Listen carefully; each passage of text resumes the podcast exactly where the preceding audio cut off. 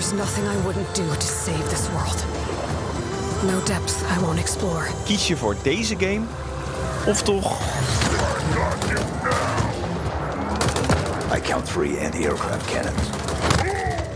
De gameoorlog is begonnen. PlayStation en Xbox hebben beide een nieuwe spelcomputer.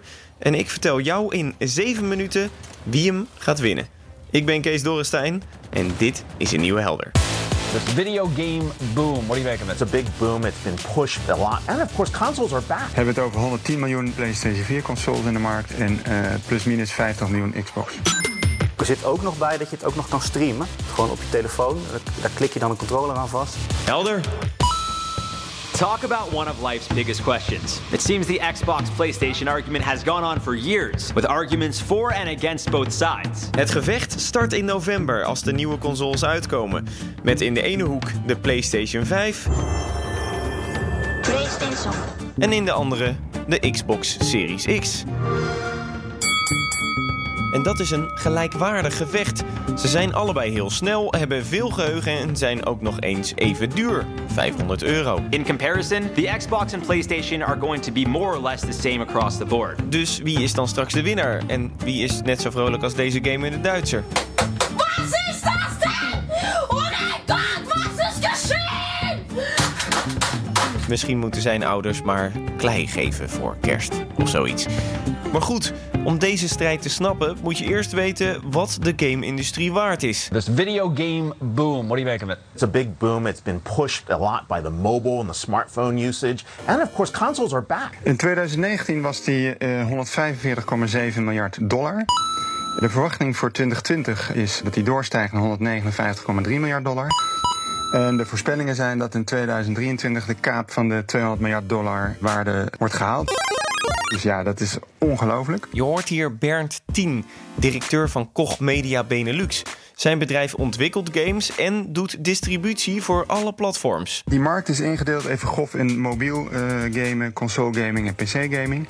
Waarbij mobiel uh, voor dit jaar de verwachting is dat dat de grootste wordt, uh, 48% van het uh, geheel. Console 28% en PC 23%. Ja, als je dit zo hoort, hebben PlayStation en Xbox beide verloren van mobiel gamen. Oh? Nou, dat niet precies. Want die gameoorlog gaat juist tussen die twee, omdat die consoles fanatieke gamers hebben die bereid zijn meer te betalen voor betere games. En met die gameverkoop, daarmee verdienen ze. Een nieuwe game kost al zo tussen de 60 en 80 euro. Daarnaast hebben ze ook alle twee een online abonnementdienst voor het gamen in de cloud. En daar zit het verschil.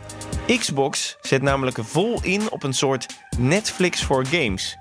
Game Pass. Microsoft's game plan is not as much hardware driven as it is service driven, reinforced and made abundantly clear after watching the Xbox Game Showcase. The real star of the show was undoubtedly Game Pass, and the company's future success will now heavily depend on that service's consistency. Er zit ook nog bij dat je het ook nog kan streamen. Dus je kan het gewoon op je telefoon, daar klik je dan een controller aan vast.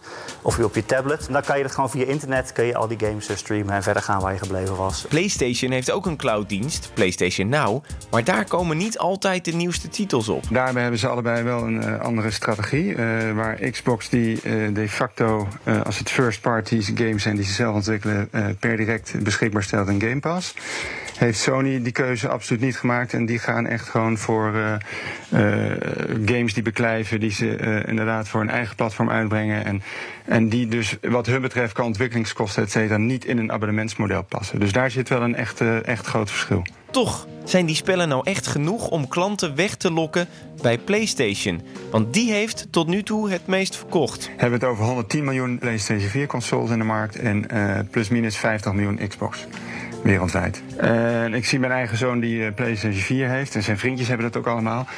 Ik zie hem niet zomaar een, een, opeens overstappen naar Xbox, omdat daar een paar games zijn die, uh, die niet bij Sony heeft en vice versa. Dus ik denk ook wel dat het, de kennis en het gebruiksgemak en het feit dat je de menustructuur kent, ook wel zorgt voor dat je makkelijker overstapt naar de console die je nu in je bezit hebt. En dat is een belangrijk punt. Gamers kiezen liever de volgende variant van hun spelcomputer dan dat ze overstappen naar een ander merk. Het is gewenning, hun vrienden spelen erop en de echt grote games zitten vaak op alle consoles. Ik zie mijn zoon niet naar de Xbox gaan. Ik zie hem op PlayStation blijven. Tegelijkertijd ben ik een Xbox-fan, dus ik, ik zal de Xbox trouw blijven. Ja, dat is dan toch een beetje als. Uh... Mooi gevecht was het vandaag tussen Ajax en Feyenoord. Ja, zo nu en dan voelt het wel zo. Ja. Ja, en dan in het echte leven is hij nog Feyenoord en ik voor Ajax. Dat kun je nagaan. Wat dat betreft lijken de verkoopcijfers van PlayStation in het voordeel. Maar vergeet Nintendo niet. Voor de Benelux, daar zie ik uh, uh, ruim 2,6 miljoen uh, PlayStation 4's in, in de markt. 525.000 Xbox. En toch alweer bijna 950.000 Nintendo Switch. I'm gonna win! Let's go! Die verhouding ligt bij ons echt PlayStation, Nintendo, Xbox. De gamemarkt gaat de komende jaren steeds meer naar de cloud, waar je je spel op elk scherm kan spelen. TV, tablet, telefoon. Is dat het einde van de huidige uh, generatie consoles? Nee, maar zal het impact hebben op een eventuele nieuwe generatie? Hebben die dan nog een schijvenlezer? Of is inmiddels zo gewend aan het binnenhalen uit de cloud? Ik denk dat, dat, wel, dat dit wel de laatste generatie is die dat heeft. En het feit dat ze die uh, digitale versie al nu al aan het naastplaatsen zijn, dat, dat, dat onderstreept dat alleen maar. Apple en Google zetten nu ook in op cloud gamen. Moeten PlayStation en Xbox überhaupt niet gewoon bang zijn om de gameoorlog van hen te verliezen? Nou, niet bang voor zijn. Ik doe uiteindelijk als dat de markt zich heel groter maakt, dan, dan zal de propositie winnen die, die het meeste gemak brengt voor, voor de beste prijs en, en waar je zelf het prettig bij voelt en, en die de content biedt die jij wil. Maar kijk, iedereen logischerwijs wil een, een stukje van die cake mee eten die in 2023 uh, groter dan 200 miljard dollar is. Dus dat er meer partijen opstaan nu is, is niet meer dan logisch. Maar wie dan de winnaar gaat zijn, ja, dat vind ik echt uh, heel moeilijk te bepalen. Maar ik, ik denk in ieder geval dat de consument de winnaar is. Want als er zoveel verschillende uh, dingen zijn waar je je entertainment kan consumeren, is dat denk ik alleen maar, alleen maar goed voor de hele markt. Oké, okay, misschien is het dus nog te vroeg om een precieze winnaar van de gameoorlog tussen die twee aan te wijzen. Maar de gamer, die is het in ieder geval wel. Helder. Vond je de aflevering interessant? Mooi. Abonneer je er dan vooral op. En laat een positieve beoordeling achter in Apple Podcast. Kunnen we een beetje stijgen in de lijst. En als beloning krijg je nu al de gamegeluiden die ik niet kwijt kon in deze aflevering. Finish him. Job's done. Hadouken! Volgende week weer een nieuw, compleet ander onderwerp. Lekker helder.